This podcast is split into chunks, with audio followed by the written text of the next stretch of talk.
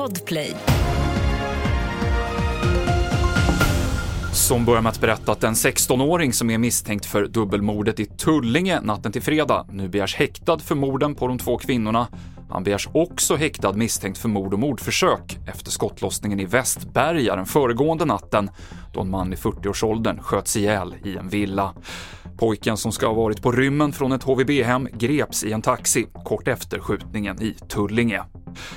Och i spåren av den pågående våldsvågen märker mäklare av att allt fler bostadsspekulanter ställer frågor på visningar om det skett skjutningar eller sprängningar i området, det rapporterar TT.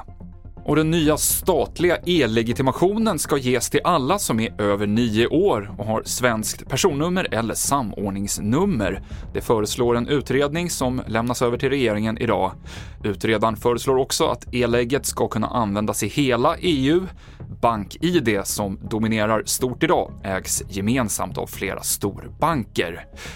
TV4-nyheterna med Mikael Klintevall.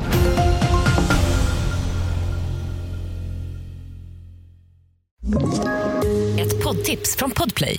I podden Något Kaiko garanterar östgötarna Brutti och jag, Davva, dig en stor dos skratt. Där följer jag pladask för köttätandet igen. Man är lite som en jävla vampyr. Man har fått lite blodsmak och då måste man ha mer. Udda spaningar, fängslande anekdoter och en och annan arg rant.